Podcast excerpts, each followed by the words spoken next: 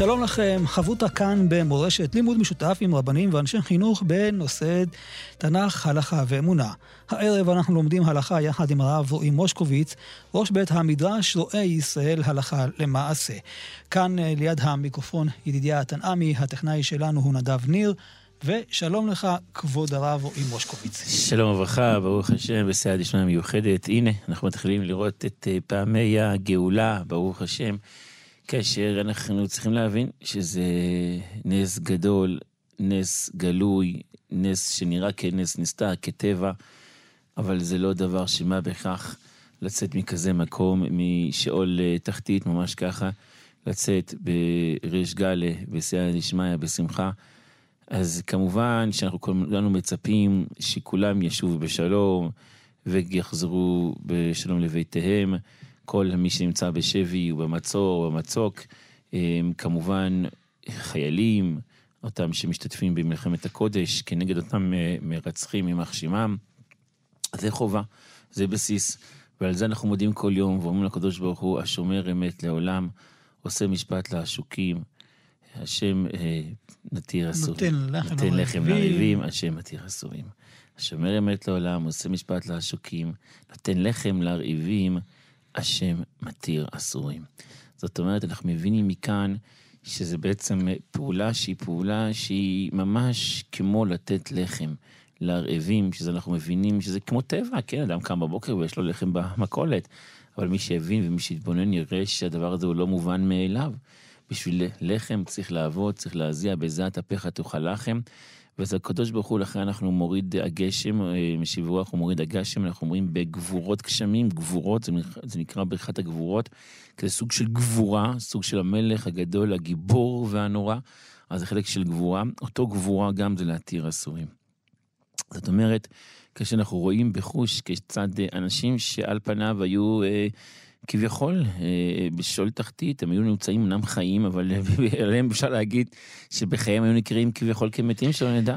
נדמה לי שהגמרא מדברת על השבי שהוא קשה מכולם, נכון? כי התנהו בהו כאילו. הפסוק נדמה לי שם מדבר, תזכיר לנו אותו. נכון מאוד, כי זה גם שילוב של אין לו אפשרות לאכול, אם לא נותנים לו, אין לו אפשרות לשתות, הוא נמצא במצב שכל רגע ורגע הוא נתון, להריגה, חלילה להריגה.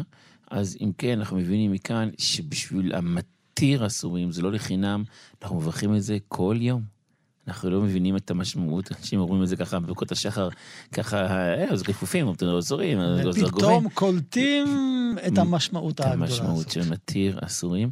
ולכן אחד מהארבעה שחייבים להודות, חייבים להודות, זאת אומרת שלא ש... אנחנו יודעים, אדם נסע לירושלים מתל אביב, מבני ברק, מחלוקת, נסעת, דרכים מרכז, דרכים בחזקת סכנה, לא בחזקת סכנה, מחלוקת מפורסמת, ירושלמי ועוד, מחלוקת נחמד, אבל אחד מהארבעה של... הם מחויבים בלהודות, מחויבים כפשוטו, אם זה כמובן, אנחנו יודעים שזה אותם שחולים שנתרפאו, יורדי mm-hmm. הים, ואחד מהם כמובן הם אותם ששבו מבית האסורים. אז ברוך השם שהיום כששלום אדם נכנס לבית כלא, אז זה לא נחשב כל כך, אנחנו פוסקים דנים, האם אה, כן או לא, סוף סוף. אנחנו יודעים שחלק כאן נמצאים שם ואין גם טוב להם ברמה מסוימת, אבל כאשר נמצאים בכזה מקום, בכזה שבי, בכזאת התעללות נפשית, אה, רוחנית, אה, גשמית, אז נכון שאולי אם נראים כבלי חול כלפי חוץ שכן אה, אכלו וכן שתו, אבל כמובן שזה לא מוגדר. הנפש פגועה. לא מוגדר כאוכל ולא כשתייה, אלא כקיום מינימלי. ומשום כך כולנו מבינים, כולנו יודעים שאין לנו אה, אפשרות אלא אך ורק לקום ולהודות לבורא עולם. הנה, בורא עולם שוב ושוב ושוב מציל את עמו ישראל מכל צרה, מכל צוקה. זה נכון, זה נכון שאותו בורא עולם, שכביכול הסכים לכך, או דאג לכך, או קרה שמה שקרה באותו שבת, באותו שמחת תורה, זה גם כמובן החלק של המקטרגים שהתגבר, אבל מידת הרחמים עלינו מתגלגלית בזכות ועד עמך תחינתנו הפעילי. זאת אומרת, כאשר אנחנו מבינים ורואים רואים את החלק שהנהגה אותי בבריאה, שיש מצב שמגיעה הסאה, וזאת אומרת, ואז צריך באמת, מגיעה הסאה, מגיעה, גודשה הסאה, ואז מגיע מה שמגיע. אבל מיד, כאשר משתחרר מקום, וכבר השיער פחות ממה שהייתה, כי יש יותר תפילות ויש יותר מצוות, ובעצם מה שקרה זה עצמו כביכול כיפר, כבר מידת הרחמים תופסת שליטה כביכול, mm-hmm. ודואגת לכך שמה שלא חשבו ולא חלמו, אנחנו, כן, אנשים חושבים 50 יום, אבל מי שיודע קצת ספרי היסטוריה, מי שיודע את העבר, שבי של 50 יום זה לא נחשב כביכול תקופה ארוכה. כן, אה, שלא נדע, לא יום אחד ולא יומיים, כמובן זה הרבה, אבל עדיין לצאת מכזה מקום, מכזאת שאול תחתית, מכזה בור התחתיות, מכזה בית כלא, שכביכול יש לו אדון שחושב שהוא מחליט ושהוא יעשה ושהוא, והנה יוצאים משם בריש גלי בצורה שהיא חופשי. ומשוחרר בצורה של, שאנשים רואים שהם חוזרים ואין להם, כי הרי אם הם יאכלו, ברצון שלהם, בטבע שלהם, באכזריות שלהם, הם לא משאירים יהודי אחד חי, ולא רק שהם השאירו אותו חי, הם מחזירים אותו לחיק משפחותם. כן. אין איזה הבנה, אין איזה תפיסה. מה רואים מכאן? יד השם, כאשר הקדוש ברוך הוא רוצה שישובו בנים לגבולם, אז שבו בנים לגבולם, וממילא אין לך הודעה גדולה לבורא יתברך שמו במקרה הזה. וזה כמו, שוב, כמו שראינו, ואנחנו אמרנו, שכביכול השנה הפרשיות משתלבות יפה מאוד עם, עם ההווה. המאורעות. עם המאורעות, כן, הנה עכשיו אנחנו היינו בפרשת ויצא, כאשר אנחנו אה, שומעים על לידתם של שבטי איכה, 12 שבטי איכה, וכאשר יעקב כביכול גונב את לב לבן ומצליח לברוח מלבן הארמי, הרי זה לא נתפס במוח האנושי שיעקב, איש תם, יושב אוהלים, מתמודד עם, עם נבל הארמי שהתורה קוראת לו ככה. זאת אומרת, אין מי שיעיד עליו אחרת.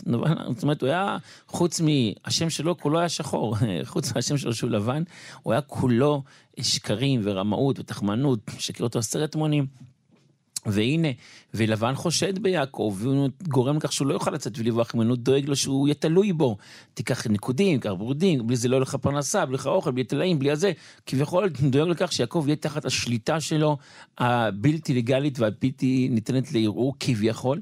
והנה יעקב בפעולה פשוטה יוצא מידיו של לבן, ולא מתחשב כביכול, ולא חושש, כי הוא יודע שהוא הולך עם הבורא, יתברך שמו. וכאשר אדם, עם, אומה, הולכים ודבקים בבורא יתברך שמו, כמו שהזכרנו, שהרי בשבוע שעבר דיברנו על זה, שעל מה שרחל אומרת, על מה שרחל, ולפני זה כבר רבקה אומרת ליעקב, כי עשיו מתנחם עליך בלבך. אומר המדרש, אומר המדרש רבה, שעשו כבר כשתה עליך על יעקב כוס תנחומים. עד כדי כך, מבחינתו אתה גמור, כביכול. Mm-hmm. ולבן ודאי שחשב את זה. ואליפז ודאי. ובכל זאת, יעקב הולך עם הקדוש ברוך הוא, עם בורא עולם, ולכן אנחנו רואים שאנחנו מגיעים עכשיו לפרשת אה, אחרי אה, ויצא, אז אנחנו... וישלח. וישלח כמובן. אז, אז גם רואים... פה, הרב, יש כאן את הסיפור של אה, חטיפת דינה, זה אותו עיקרון. נכון מאוד, דינה, ואחרי זה אנחנו נראה גם את הסיפור באמת עם יוסף, שזה גם סוג של חטיפה אמנם על ידי אחים, ומה כן. שגרמו לו, אבל בא יעקב ואומר, ומבקש ומודה לקדוש ברוך הוא ואומר לו על זה שנתת לי לחם לאכול ובגד ללבוש וכל זה, והוא מציל אותו, וקטונתי מכל החסדים ומכל האמת, כי בדבר אשר כמובן כאשר יעקב אבינו מבקש ואומר כי במקלי עברתי את הירדן הזה והייתי לשני, ואתה הייתי לשני מחנות. זאת אומרת, יש לך פה מיד, גם בעת הבקשה יש לך הודעה. קטונתי מכל החסדים, תודה על מה שהקדוש ברוך הוא עשה עד עכשיו, ובאותו שורה, באותו מידה, הוא מבקש על העתיד. וזה מה שאומר קלמניה אספורנו, אומר על הפסוק, מה שלאה, כאשר נולד לה הילד הרביעי, כמו שקראנו בפרשה האחרונה, הפעם אודה את השם. אומר ספורנו, הפעם אודה את השם, ותעמוד מלדת. מה זה ותעמוד מלדת? בגלל שהיא לא ביקשה על העתיד. זאת אומרת, אנחנו צריכים לדעת. כמו רחל שאמרה, יוסף, יוסף, יוסף לי בן אחר. יוסף לי בן אחר. ממילא אנחנו מבינים פה דבר אחד גדול ונפלא. כאשר אנחנו מודים, אנחנו צריכים דבר ראשון להודות על העבר, אבל בד בבד לבקש גם על העתיד מבורא עולם. כי למעשה, אנחנו צריכים לדעת, וזה באמת, אנחנו רואים את זה גם לאורך כל הדרך, כל ההיסטוריה של עם ישראל, במיוחד גם בעלי ההשקפה ובעלי המוסר אומרים, סוג של הנהגה. ככל שהבקשה והאמונה היא גדולה יותר, ככה מילוי כביכול המשאלות גדול יותר. ולכן קווה אל השם חזק אמר אצלך וקווה אל השם, קווה וקווה וקווה. תחזור ותקווה. וככל שאדם מקווה יותר ופותח פתח ובונה כלי גדול יותר לקיבול, אז יש שפע גדול שמוכן לו, שיכול למעלות לו את הכלים. ולכן דווקא יעקב אבינו, שהוא למעשה הבכיר שבאבות, כמו שאנחנו יודעים שהמדרש אומר, שרואים את יעקב ישן, אומרים על אחרי השרת, איך יכול להיות מי שדמותו חקוקה בכיסא הכבוד, הוא ישן על, אה, כביכול, על מיטתו, הוא ישן שם היה בר המוריה, כל פנים. הוא אומר, ואנוכי לא ידעתי. ואנוכי לא ידעתי. זאת אומרת, הוא לא, אנחנו מבינים מה זה המהות של יעקב, את הקדושה שלו ואת המעלה שלו. ומי מוסרת נפש בעבור יעקב? מי מוסרת נפש בעבור יעקב? ובזכות זה היא זוכה להציל את כל עם ישראל. אנחנו מדברים כמובן על רחל, כאשר יעקב אבינו מבקש ושואל אותה, האם לחזור ולצאת מבית לבן לארץ ישראל? למה הוא צריך לשאול? הקדוש ברוך הוא בעצמו, בכבודו ובעצמו הרי אמר לו לצאת.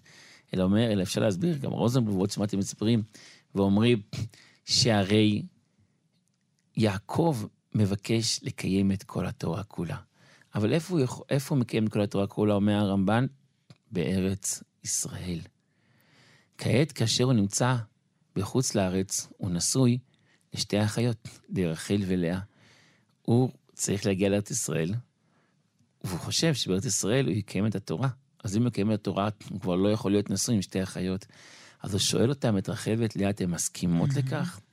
האם אתן מסכימות כביכול לוותר בשביל לעלות לארץ ישראל? ורחל קמה וקמה ואומרת, כן, היא מסכימה, ולכן אומר המדרש רבה, ותען רחל, בגלל זה היא מת, כן, מה שקרה שלה בכניסה לארץ ישראל.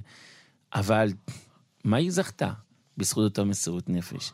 זכתה כמובן להציל את כולנו, את, כאשר הקדוש ברוך הוא שומע את רחל ואומר לה, מנעי קולך מבכי ועינייך מדמעה, כי יש שכר לפעולתך, ושבו מארץ אויב.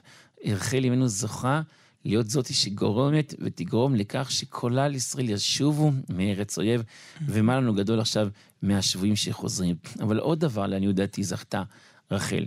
אנחנו יודעים על הפסוק, ובין כתפיו שכן.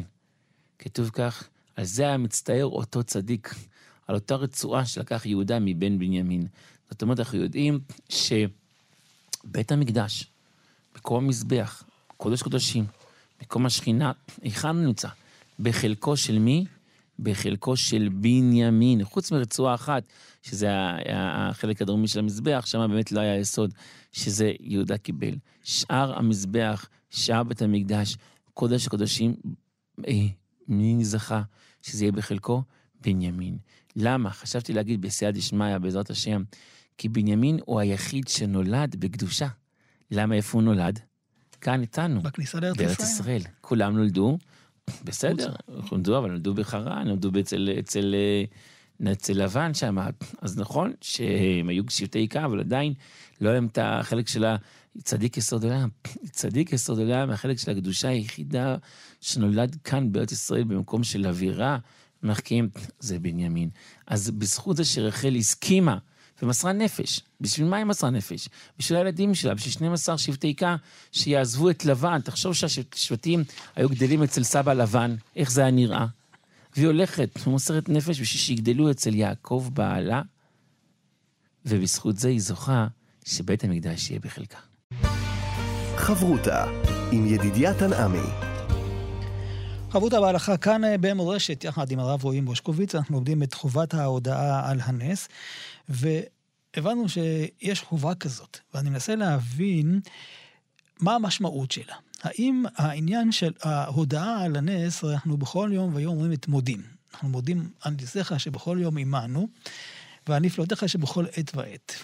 וכאן, כשמדברים על מצווה של הודאה, אז זה שאנחנו מכירים את הברכה על הנס, אדם שעבר במקום שנעשה לנו נס, הזכרת מקודם את uh, יוסף, כן? אם, אם היה עובר בבור, כמו שהוא ככה עשו בחזרה ממצרים לארץ ישראל לקבור את uh, יעקב אבינו, אז הוא הודה שם על, ה, על הנס, ברוך שעשה נס במקום הזה.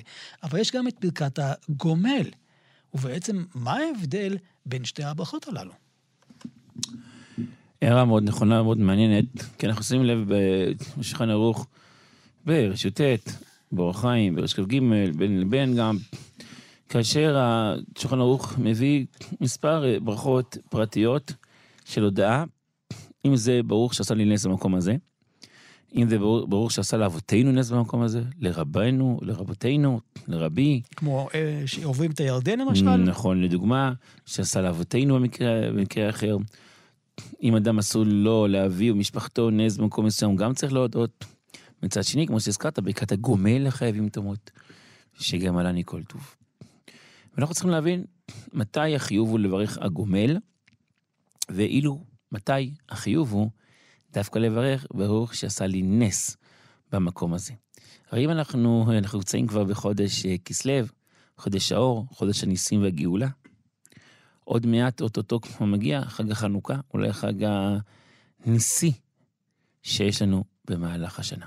זה נכון שימי הניסים זה ימי אדר וניסן, שאז יצאו אבותינו ממצרים בצורה כזאת שהיא משהו שהוא שמימי.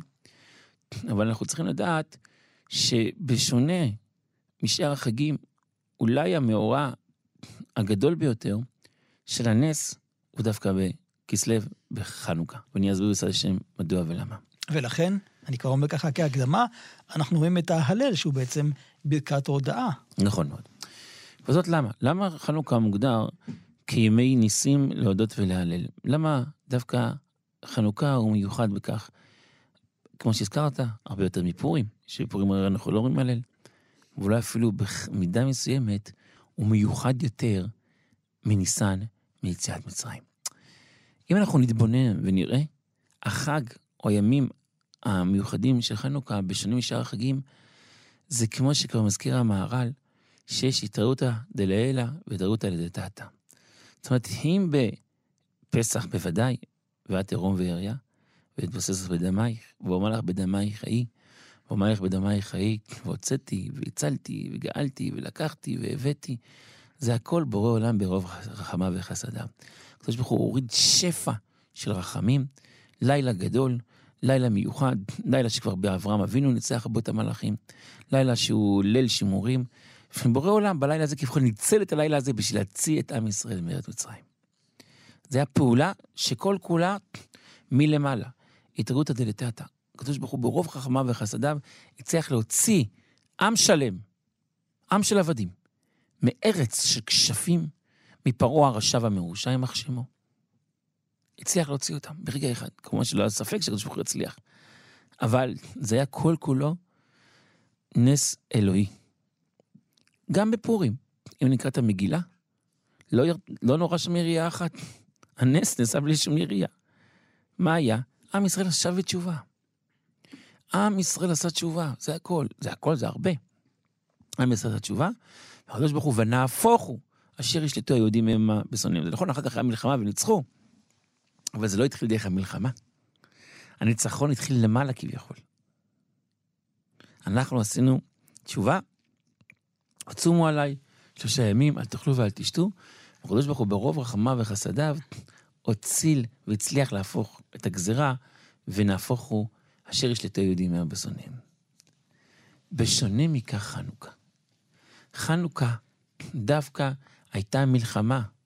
הייתה מלחמת של מסירות נפש. היה מלחמה של מעטים מול רבים, צדיקים מול רשעים, זדים מול אה, אותם ש... זדים כאלה שרוצים להשכיח את התורה, לעומת אלה שעמלי תורה. זאת אומרת, הייתה פה מלחמה פיזית. עם ישראל מלמטה כביכול. מי להשם אליי. מי להשם אליי. זאת הייתה הקריאה. זאת הקריאה, כמו שהזכרת את זה טוב מאוד. זאת אומרת, היה פה התערותא דלתתא. זאת אומרת, אנחנו מכאן, מלמטה, התחלנו ונלחמנו. עם ישראל יצא, חשמונאים יצאו ונלחמו, והיה להם צד לשמה לנצח. וזה ההלל המיוחד שיש בחנוכה, ולכן דווקא חנוכה מוגדר כימי ניסים להודות ולהלל, אנחנו רואים בו את ההלל, וזה כביכול נמצא באמצע השנה, לא בזמן של ניסים. כביכול, אלא בזמן שיש פה, אנחנו רואים שקדוש ברוך הוא נותן לנו את האפשרות בימי החורף, בימים האלה שהם קצת כביכול ימים קרים. תתעורר, תצליח, תילחם, וקדוש ברוך הוא תעשה עד ישמעיה. זה בעצם ימי החנוכה. ולכן אנחנו מברכים בימי החנוכה, ברוך אתה השם, שכמו שעשה לאבותינו באים מהם בזמן הזה. שמה הוא עשה כמו שעשה ניסים לאבותינו בימים ההם, אז גם בזמן הזה שנזכה לניסים שכל אחד ואחד ואחד מאיתנו יזכה לניסים כאלה בזכות זה שהוא בעצמו יקום ויילחם, ואז יזכה לנס. זה בשונה קצת מהגומל. כי רגע, אני רוצה רגע להגדיר את זה. נס בעצם, בעצם מהותו, זה משהו שיוצא מגדר הטבע, נכון? נכון מאוד. אנחנו יודעים שכבר הרמב"ן מזכיר ואומר שכל דברינו ומקרינו הם בחזקת ניסים שאין בהם טבע ומנהגו של עולם. אנחנו יודעים שכל דבר שאדם עושה, כל פעולה שאדם עושה זה נס. דיבור, אכילה, שתייה, כל דבר זה נס. אבל זה נס כביכול מוכר. זה כביכול, זה הנהגה. נס טבעי. נס טבעי נקרא לזה. זה הנהגה, הנהגה של הבורית בר שמו, זה הטבע, זה הסטנדרט, זה הנורמל. כאשר יש משהו שיוצא מגדר הרגיל, אז זה נס. עד כמה זה נס בשביל אותו אדם, זה כבר תלוי באדם. זאת אומרת, אנחנו נראה שיש אנשים, רבי שמעון בר יוחאי, שאצלו הטבע זה היה כן. נס, זאת אומרת, כל המהלך שלו היה, כל, מאוד. הדר, כל המהלך שלו היה נס. הוא רואה אנשים, הוא שורף אותם בעיניים, הוא מחיה מתים, הוא הכל עושה, למה? כי בשבילו הגדרה של נס, הטבע שלו הוא שונה מאשר הנורמל הרגילה, כי האדם הזה הוא חי באטמוספירה אחרת מאשר אנשים אחרים. אנחנו נראה את זה בחוש. כמו שאמרנו, שנייה, גם למשל דוגמה, בגיוס כספים. יש את ההנהגה, אתה יודע, שאנשים הולכים, מגייסים כספים, נוסעים לחוץ לארץ, נוסעים לפה, לעשירים, ויש דווקא את שיטת בריסק, שאין כזה דבר. לא אוספים כספים עד ראש חודש. מגיע ראש חודש, צריך לתת כסף לבחורים, או לישיבה, או לאברכים, ממתינים, מחכים, מתפללים, ויודרד כסף. ומגיע ראש חודש, לא חסר ברוך השם, לשניהם לא חסר. לאלה שאספו לא חסר, ואלה ש- ש- שהגיע להם לא חסר. שניהם קיבלו באותו, באותו חודש אותו המשכורת, או שניהם היה פחות, לא משנה. שניהם קיבלו אותו הנהגה. שני צורות של הנהגה. יגיד אחד, אני אקח, תגידו איפה אתה, באיזה מדרגה אתה נמצא. האם אז אתה... אם חוזרים עכשיו אז לגומל, אז גומל בעצם אפשר לומר, אם זה אותם ארבעה שחייבים להודות, נראה שזה משהו שהוא לא יוצא מחוץ לטבע. אדם שהיה בבית האסורים, למשל. זה הטבע של, של המקום. נפלא. או למשל מי שהולך במדבריות, או חולה וכדומה. זאת אומרת, ההגדרה היא הגומל, וזה מה שמגבילים את החילוק. נס זה, זה מעטים מול רבים. זה נס, זה משהו שלא טבעי, זה לא סטנדרטי. אין, בעולם אף פעם לא ניצחו המעטים את הרבים, זה לא שייך. כן. אלא מה? הקדוש ברוך הוא עשה פה משהו שהוא שונה מגדר ההנהגה הרגילה, וההנהגה פה הייתה הנהגה ניסית. ולכן, שעשה ניסים לאבותינו בהם הם בזמן הזה. הגומל, א', זה ברכה גם פרטית, אבל כמו שהזכרת, זה לא ברכה פרטית, אלא זה כביכול סוג של הודאה בתוך המצב שהוא היה. יש, כמו שהזכרת, ברוך השם, רוב החולים מתרפאים, כמו שהגמרא מזכירה. רוב החולים לא מתרפאים לבריאות שלמה ורפואה שלמה. אותו אדם היה במצב שהוא היה חולה, הוא יכל חלילה וחס, וברוך השם, הוא כמו כביכול הרוב, או ברוך השם הקדוש ברוך הוא ריחם עליו, והוא חזר לאיתנו. אז מגיע לו הגומל לחייבים טובות, שקדוש ברוך הוא גמל איתו טוב, ונתן את האפשרות להתרפא. רגע, זה מעניין מה שאתה אומר, הרב. אם, נתבונן על הברכה עצמה, הגומל חייבים, זאת אומרת שהוא היה במצב של חובה. רק הקדוש ברוך הוא עשה לו את הטובה הזאת, נכון? נכון מאוד. הוא היה במצב של שבי. אין במצב- זכויות. בגלל זה הוא נפל בשבי. כביכול, נכון, נכון מאוד. הוא היה במדבר, למה הוא היה צריך להסתובב שם? הרי אדם רגיל לא מסתובב במדבר, אדם מסתובב מסתובב בבית ז'בוטינסקי, ברח- ברמת גן, לא מסתובב במדבר. למה הוא נמצא במדבר? היה לו מצב. למה המצב? סוג של חובה, שהביא אותו למצב הזה. ועכשיו הקדוש ברוך הוא עשה לו טובה. חסד.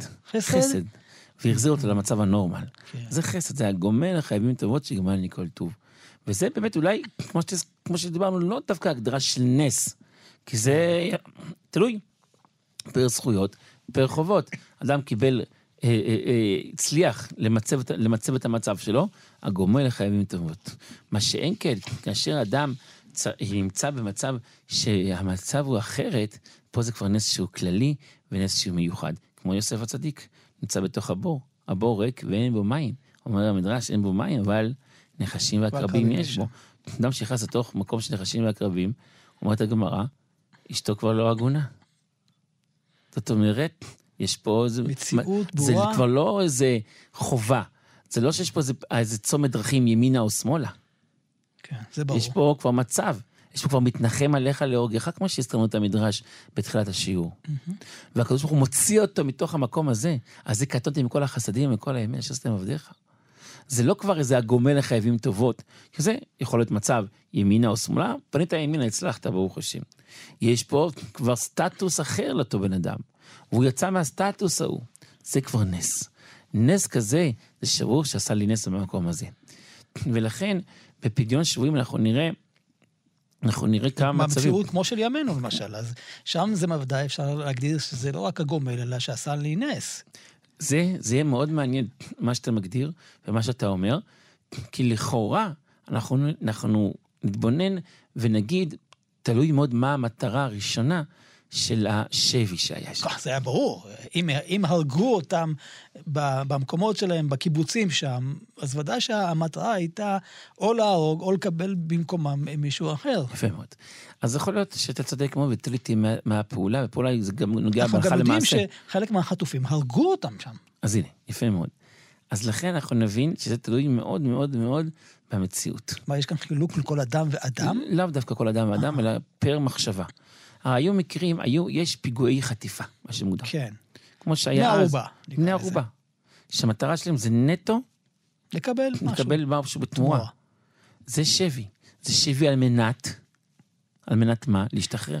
כן, זאת אומרת, בעצם המטרה שלהם לשמור אותם כמה שיותר חיים ככה. ובריאים כדי לקבל ככה. עליהם יותר. בכזה מצב זה כבר לא נס, זה נס לשחרר אותם, ברור, אבל עדיין זה מצב שהגומל חייבים טובות, כי זה, כי זה, זה שבי שיכול להסתיים בעזרת השם טוב, חלילה, ולכן אתה אומר, גמל חייבים טוב וגמל יותר טוב, זה כמו חולי.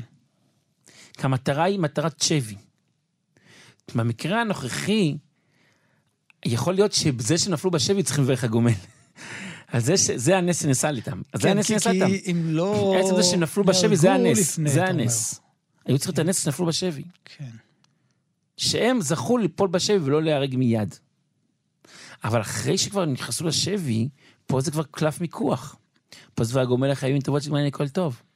אז את אשר שעשה לי נס, הם צריכים לברך שם בנח, בנחל עוז, או בכל בקיבוץ בארי, מי שיפתח שם בחיים, זה כבר נס. זה עצמו נס. שהוא נשאר בחיים.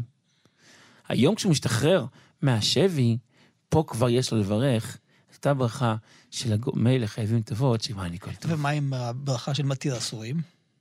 זה אנחנו צריכים לברך כמובן, כל מי שרואה אותם. זה לא ברכה פרטית? זה ברכה שהיא שבח. בקעת... כלומר, זה, זה לא שהאדם עצמו צריך לברך את זה, אלא האדם הרואה את ודאי, גם האדם עצמו יכול לברך בזה, ברור, אבל יש לך פה מולך, והאדם עצמו יש לברך, הגומל, יש מה לברך. מתיר אסורים זה הברכה שאנחנו צריכים לברך. ברוך אתה השם, כאילו מתיר אסורים. ודאי. אין צד שלו. ולכן, ביקשתי, זאת השם, ואני מבקש גם, בה, אני הקטן, נכון, שבאדם, שבא, שבעם, כל יום, כאשר אדם מברך, ברוך אתה, מלך עולם מתיר אסורים, לכוון. לכוון. לכוון על אותם אנשים שנמצאים בשבי עכשיו. גם בפסוק שהבאנו בהתחלה, שמרים את העולם, עושה מה שהדוקשים, ברוך מתיר אסורים. השם מתיר אסורים. גם אז צריך לכוון כמובן על אותם אנשים שנמצאים בשבי שהשתחררו. ובד בבד, כבר דיברנו על השבוע שעבר, כאשר אנחנו נהנים ושמחים לראות שאנשים שבים משבי שהוא גשמי, כבר אמר אותו חסיד שהוא ראה את אותם חיילים שחוזרים למלחמה, אמר להם, חזרתם במלחמה הקטנה, ועכשיו אתם לפני מלחמת המלחמה הגדולה. שאלו אותו, איזה מלחמה גדולה? איפה? איראן בשקט, כולם מורתעים. אמר להם, לא, מלחמת היצר. חזרתם במלחמה פיזית, של נשק, של מי שיש נשק יותר חזק יכול לנצח כביכול. אבל עכשיו אתם מלחמה מול, מול, לא מול נשק, אלא מול אש. כי הרי היצר הוא אש, והאדם הוא בשר ודם. וזה המלחמה הגדולה ביותר, ושם עתיר הסורים הכי גדול שיש. שקדוש ברוך הוא צריך לסייע בידי האדם, להוציא אותו ממי? מאותו יצרה שעוצר אותו בתאוות, ברצונות, בגשמיות, בעבירות, וזו החובה שלנו, שכל אחד ואחד מאיתנו, להתיר את עצמו מידי האסורים. יש לו אפשרות להיכשל. יש לו היום, לא צריך לנסוע להולנד בשביל להיכשל, שלא נדע. מספיק להוציא מהכיס את, המחש... את מה שיש לו את הניסיון הזה. והקדוש ברוך הוא מתיר אסורים, והוא ניצל מזה, ופשוט במקום להרים את זה, הוא שובר את זה ומנפץ את המכשיר. אז זה דבר גדול, זה מתיר אסורים. ולכן, ככל שאנחנו נתיר אסורים רוחנית, יהיה יותר גם התרת אסורים פיזית, ונחזור את השם לשאו בנים לגבולם. חברותה עם ידידיה תנעמי חברותה כאן אה, במורשת יחד אה, עם הרב רועי מושקוביץ, ועכשיו אני רוצה להיכנס יותר לפרטים של אה, הברכות, בעיקר ברכת הגומל שדיברנו עליה, שבסופו של דבר צריך להבין מתי האדם מברך, ובעצם כל ה... לפני כן, מי מברך? כי ראינו ארבעה צריכים להודות. זאת אומרת, זה ארבעה ולא יותר, והארבעה זה בעצם איזה דוגמאות למקרים מסוימים שבהם צריך האדם לבוא ולברך את ברכת הגומל. אז בואו ננסה להבין מה המקרים הללו ולראות איך זה בעצם גם קשור לימינו. אני מתאר לעצמי שיש דברים שהם משתנים וצריך להתאים אותם גם למצבים של ימינו. בכל החיים ידעו הסלע. ראשי תיבות. ראשי תיבות, יפה מאוד. כמו שאבי הטור, כל החיים חולה שהתרפא, יורדי הים, יורדי היבשה, ומתיר אסורים, אותם שהיו כמובן בבית הכלא חבושים והשתחררו לביתם בשלום. אנחנו צריכים לדעת, נשאלת השאלה, והיא שאלתי את השאלה אותי לפני כשבוע, על ידי חייל שמשרת, וכמובן שאנחנו צריכים לדעת שאותם חיילים, אני פה, ביקשו ממני, פשוט התקשר אליי אחד התלמידים, ואומר לי שיש כל מיני דיבורים היום, לכאן ולכאן. אומר לי, ביקש ממני, לא שאני, כן, ראוי לכך, לדבר על הנושא הזה. כיצד אנחנו צריכים להתייחס לאותם אנשים שברוך השם ונלחמים בשבילנו. אה, חלקם לא שומרי תורה ומצוות, חלקם, כן, יש הרבה דיבורים בציבור. אז צריך לדעת שיש לנו ממש זכות גדולה שיש לנו כזה ציבור שקם ומתגייס ומוסר נפש למען עם ישראל, למען שאנחנו נוכל פה כביכול לחיות פה בשלום, בהשקט ובבטח. ויתרה מזאת, יתרה מזאת, הנה החטופים, לא כולם הם מל"ו צדיקים אולי, לא כולם היו שומרי תורה ומצוות עד עכשיו, בעזרת השם כולם ישובו לאביהם שבשמיים. אבל אנחנו צריכים לדעת שאנחנו עם ישראל גוף אחד. אנחנו גוף אחד. כל אחד ואחד מאיתנו זה ממש חלק מגוף אחד שלם וגדול.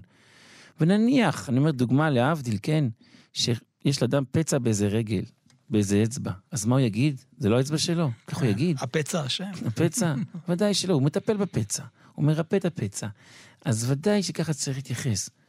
וכל שכן, וקל וחומר, אנשים שבאים למסור נפש, זכותם גדולה מאוד, אנחנו צריכים להתפלל בשבילם, לאלף מטה, אלף למטה. ולכן שאל אותי אותו חייל, הוא אומר, מדובר באחד התלמידים, כן, יהודי תמיד, יהודי תמיד חכם, אפילו נבחן לרבנות אצלנו. אותו בחור, לדוגמה, לפני איזה חצי שנה הוא התפרסם איזה סרטון באמת, שהשכנה שלו פוגשת שם וצועקת עליו, איזה אתה משתמט, חרדים, אה, פאות, כן, הוא מוציא לה תעודה שהוא, אבא שלו בכלל בסרט מטכ"ל, לא משנה. והוא שואל ואומר, הוא יוצא מדי פעם, נכנס לעזב, יוצא, נכנס ויוצא, אם צריך לברך הגומל. בכל פעם? כל פעם ופעם. לכאורה כן. אז השאלה שאלה מאוד מעניינת, והיום זה פה בעזה, אבל השאלה נשאלת לפעמים כאשר אדם שלא טס לכל מיני טיסות, מכאן לשם, משם לפה, או אדם חולה והוא צריך להתרפות, והוא עושה כמה טיפולים. רפואה שלמה לכולם. אם הוא צריך לברך כל פעם, כל טיסה, כל נחיתה עכשיו, הוא טס לאמריקה, הוא נוחת בעוד מקומות בדרך, חוזר, טוב, כאן יש שאלה בכלל, האם טיסה זה נכלל, אה, הרי אנחנו יודעים שרק יורדי הים ויורדי היבשה, מה נכון. אם... הים זה מעל הים. כן. אז כמובן שהנושא הזה כמובן בא במחלקת הפוסקים, אם היה לנו זמן להרחיב, אנחנו מכירים שבבלז למשל לא מברכים הגומל, ואדרבה, התכנסו שם כמה מגדולי ישראל בשאלה אם לברך, אז שימצאו את הטיסות, אני אברך הגומל או לא, ונראה לי שהרבי מבלז ביקש והתחנן שלא לברך, תפסקו שלא, מי שרוצה שיברך, אבל שלא חייבים. כן, יש כאלה של מברכים בלא שם מלכות. שאלו אותו למה, מה כוח התעקשת? מחלוקת הפוסקים. ואז הסבירו, ואז הסבירו. הוא אמר, אם אנחנו נפסוק שצריך לברך גומל, למה אנחנו מברכים הגומל? כביכול שהוא אותו טייס, אותו אדם שטס, איפה הוא היה? במצב סכנה? אנחנו כביכול אומרים שהמצב הוא מצב סכנה, אנחנו מכריזים פה, אנחנו בית הדין? אז לכן בואו לא נכחיש שטיסה זה מצב סכנה. מי שרוצה לברך, שיברך מעצמו. לא צריך לחדש. אבל לא, הרי בית דין גוזרים מה שבית דין למטה גוזרים את נשמע לה. אז בואו לא נחדש שזה בקופסה סכנה. עד כדי כך. מעניין. זאת אומרת, אנחנו מבינים מכאן שהשאלה שלה מאוד מעניינת, והפוסקים חולקים בה. דעת השולחן ערוך פשוט ודאי שלא מברכים רק בסיום הפעולה. כנ"ל גם לעניות דעתי, גם דעת האשכנזים, שככל שאותו חייל יודע שהוא אמור לחזור בעוד יומיים שלושה, הוא באמצע, באמצע משימה, הוא לא צריך לברך כל פעם. אה, באמצע משימה. כן, למרות שהוא השתחרר ליומיים שלושה. הבנתי. הוא השתחרר, חזר לביתו. הוא חזר לביתו, לאותו מקום שיוצאים משם וחוזרים אחרי יומיים. לעניות דעתי, לא צריך לברך כל עוד שלא סיים את הפעולה. הוא יודע שהוא השתחרר, עכשיו זהו, סיים, אז הוא מברך. ממילא גם במקרה שלנו. כאשר אותו, למשל, אותו שבוי או חטוף שחזר, והוא התגלגל עכשיו, שלא נדע, לבית חולים. האם הוא מברך פעמיים הגומל? הוא עדיין בתוך המשימה, נקרא לזה. כביכול. למרות שפה זה שני דברים, זה כן. שבי, זה... אבל עדיין, אבל זה שהוא נמצא בבית חולים זה בגלל השבי. נכון. אם זה בגלל זה, אז עדיין הוא בסוג שלא הסתיים מהנס שלו. כן. ולכן, כאשר אדם מסיים את המהלך, אז הוא צריך לברך, הגומל לחייבים טובות שגמרן מכל טוב. וכמובן שאנחנו יודעים שברכת הגומל היא כביכול מגבילה קצת, במהותה, לאותו קורבן תודה, שהיו רגילים והיו חובה להביא אותו, אה, למשל אישה שיולדת, ועד מקרים של המתחפה, אותם ארבעה צריכים להביא קורבן תודה. קורבן תודה בשונה משאר הקורבנות, צריך להביא איתו גם 40 לחמים. בפרסום. או, למה 40 לחמים? אז ידוע מה שהמפרשים מסבירים, ש-40 לחמים, הרי מספיק לחם אחד בשביל לאכול את המנת בשר או שניים. 40 לחמים, וגם יש לך יום אחד לאכול את זה. כן. וכאן מדובר על יומיים, נכון? שלמים. נכון, נכון. אז מה הפירוש? הפירוש הוא שהסיבה היא בשביל שיבואו עוד אנשים ויאכלו איתו, ככה יתפרסם, יתפרסם ויתהלל שמו של הבורא יתברך שמו. כי הבורא יתברך שמו, צריך לדעת שכל המטרה שלנו פה בעולם הזה, זה לקדש את שמו ברבים. איך מקדשים את שמו ברבים? כאשר מספרים את הניסים הגלו- הגלויים והגדולים שהקדוש ברוך הוא עושה איתנו, הניסי רב, שאותיך להם עמנו. זה למעשה הדבר הגדול ביותר כאשר כך אדם מהלל את שמו יתברך שמו. הוא בעצם מודיע שהבורא יתברך שמו הוא לא רק שליט בשמיים כביכול, אלא בכל, בכל פעולה שיש בארץ. הרי למה אדם כביכול לא רוצה לקיים מצוות? למה אדם לא רוצה לקיים מצוות? בגלל שהוא אומר, אין, מה המצוות שלו משנות. אבל אם אתה מבין שבורא עולם נמצא בכל שלב, בכל חלק וחלק בעולם, בכל מילימטר וסנטימטר שיש בעולם הזה, בכל מקום צועק בורא עולם, אז ממילא אתה מהלל ומשבח את הבורא, ולכן זאת החובה של קורבן תודה ושל ברכת הגומל. עכשיו, מי בעצם חייב בברכות הללו? האם כל אדם שנחשף, נגיד, אם ניקח את הדוגמה של אה, התושבים בשדרות, בכפר עזה, יש אנשים שהם לא היו ממש, נגיד, המחבלים לא הגיעו אליהם הביתה. הם היו בממ"ד, אבל המחבלים לא הגיעו הביתה. הם צריכים לברך? ברכת הגומל היא שייכת דווקא למצב שאדם היה במצב סכנה, שהסכנה הייתה לפניו. זאת אומרת, ניקח דוגמה, היה תאונת דרכים, שלא נדע, האוטו אה, התרסק, והוא יצא חי. כן. כזה מצב יש ברכת הגומל.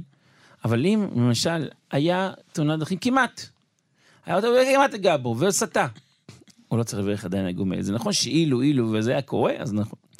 ולכן גם במקרה הזה, אם נפל טיל, והבית שהוא היה שם, למשל, נפגע, ברכת הגומל. זה ברור, כן. אבל אם הטיל נפל שני בתים לידו, ויכול להיות שאם היה עוד סנטימטר, היה נפל הטיל אליו.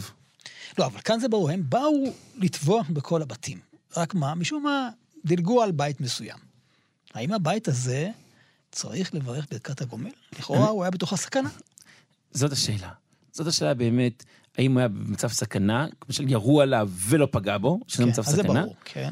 לבין דילגו, כי הם דילגו בטח על עוד בתים, הם לא יכלו נכון. כל הבתים, יש כמה היו, עשרה מחבלים, בתים, חמישים בתים, לא כולם יכולים להגיע לכולם. אז לכן הסכנה הייתה, אבל לא הייתה מוחשית. אז לפי זה אני אומר, אני לוקח חייל שנמצא בלחימה בעזה, כל זמן שברוך השם לא קרה לו כלום, לא כל עוד שהוא לא היה. במטווח או במצב של אה, מארב וכדומה, כן. נכון מאוד. לכאורה לא צריך נכון, לברך. נכון. נכון מאוד. יש את המצב של הנסיעה ועוד דברים של סיבות מסוימות. טוב, ככל- אז זה כמו, שוב, אם כן. אני נוסע מפה לצפון לטיול, כן. אני גם צריך כן, לברך כן, אה, כן, כן. הגומל, זה כבר ככל- גדר אחר. ככל שהוא לא היה באיזה פעולה שהיה שם ממש יריות וכדומה, אלא, לא יודע, לא יודע, כל הפעולות שאנשים עושים, שהחיילים עושים, אז אין צורך, הוא שלב ב', הוא שלב ג', שחיילים... אבל עצם הנסיעה לשם, אם, אם אדם נוסע, לדוגמה, כן, בכביש הבקעה או בכבישים ביהודה ושומרון, לכאורה הוא צריך לברך ברכת הגומל, כי הוא נסע, נסע במקום שיש שם אה, סכנה. אז גם פה, המקום- נסעת לעזה, יש חשש בדרך. יפה, מצוין. אתה אומר הערה נכונה. ולכן יש הבדל מהותי. בן כן. אדם שנוסע בבקעת הירדן וכדומה, ששם הכבישים פתוחים, אם הכבישים פתוחים, זה מצב, המצב הוא לא מצב סכנה. כי לא מכניסים אותך למצב סכנה. במקומות מסוימים, ששם שורצים, מחבלים, זה מצב סכנה. אבל למשל, חיילים שהגיעו היום, והגיעו כבר לחלקים שיותר משוחררים, הנה היום ראש הממשלה, בנימין נתניהו היה שם. הוא צריך לברך- לא נראה לי שהיו מכניסים אותו למצב סכנה, את ראש הממשלה. כן. ולכן, בכזה מצב, אין צורך לברך הגומל, אולי שעשה ניסים לאבותינו בימים ההם, נעשה השם גם בזמן בעזרת הזה. השם, אולי כשנגיע לחנוכה, צריך לכוון על כל הניסים הללו, כפי שאנחנו גם מברכים בכל יום ויום, על ניסיך שבכל יום. עמנו הרב רועי מושקוביץ, תודה רבה לך. שלום, שלום. תודה רבה גם לנדב אה, ניר, הטכנאי שלנו כאן, ידידיה תנעמי. אנחנו נשוב וניפגש בחברותה הבאה.